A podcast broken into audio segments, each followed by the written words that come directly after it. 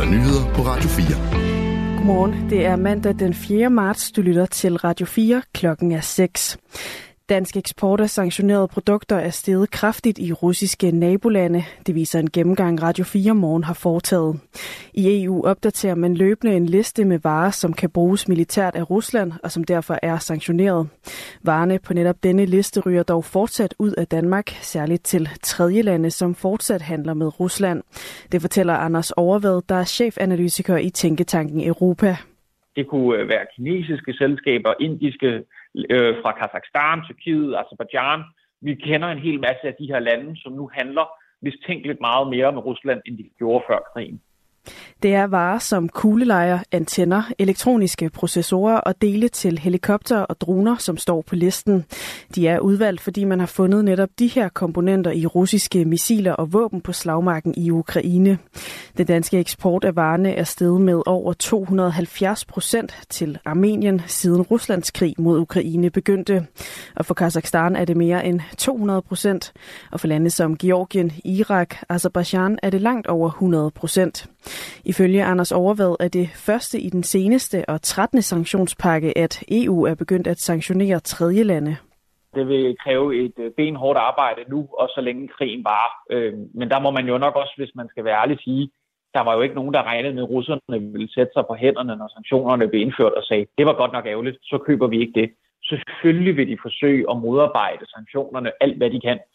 Øhm, og derfor er det her jo også en læringsproces for EU, hvor at man bare skal sætte et meget højt ambitionsniveau og blive ved med konsekvent at overvåge de her ting. Erhvervsstyrelsen oplyser til Radio 4 Morgen, at der i 2022 var 41 sager mod danske virksomheder om brud på sanktionerne.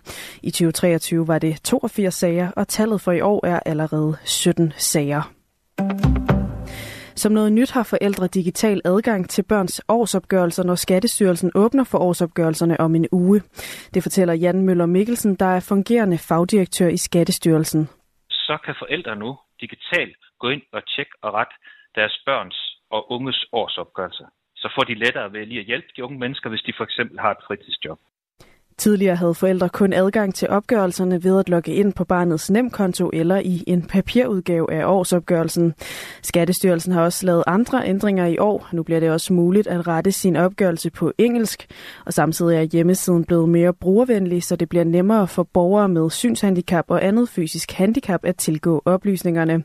Igen i år skal man dog regne med kø, når man logger ind på tast selv, siger Jan Møller Mikkelsen der er jo rigtig run på, når 4,8 millioner borgere skal ind og tjekke deres årsopgørelse. Så vi har en køfunktion, man bliver mødt af, hvor man kan se, øh, hvilken nummer man har i køen.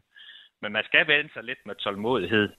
Det er på mandag den 11. marts, altså om en uge, at årsopgørelserne bliver tilgængelige. Tusinder af fanger kan være flygtet fra et fængsel i Haiti efter voldelige sammenstød lørdag aften lokale tid, hvor væbnede bander angreb fængslet. Asbjørn Møller fortæller. Dagen i går stod mange døre åbent i fængslet, hvor der kun var få fanger tilbage. Der var ingen politifolk at se, skriver nyhedsbyrået Reuters, der har en medarbejder på stedet. Fængslet, der er bygget til 700 fanger, havde ifølge en opgørelse fra februar sidste år 3.687 indsatte. Ifølge avisen Miami Herald var der flere bandeledere blandt fangerne. Det er uklart, hvor mange fanger, der er flygtet, men ifølge kilder ved fængslet er det langt størstedelen af dem. En medarbejder i fængslet siger til Reuters, at 99 fanger havde valgt at blive i deres celler af frygt for at blive ramt af en kugle, da bevæbnede bander angreb fængslet. Regeringen har indtil videre ikke kommenteret den seneste udvikling.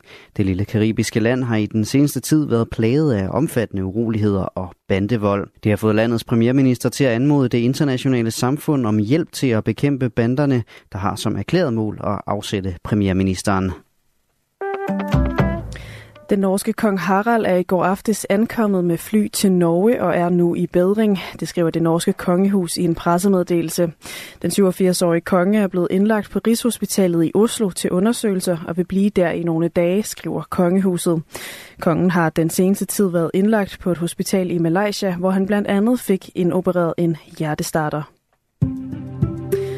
Tager vi et blik på dagens vejr. I de nordøstlige og østlige egne nogen sol, ellers tørt og skyde, men efterhånden lidt eller nogen sol i hele landet. Temperatur op mellem 5 og 8 grader og lidt til frisk vind fra øst.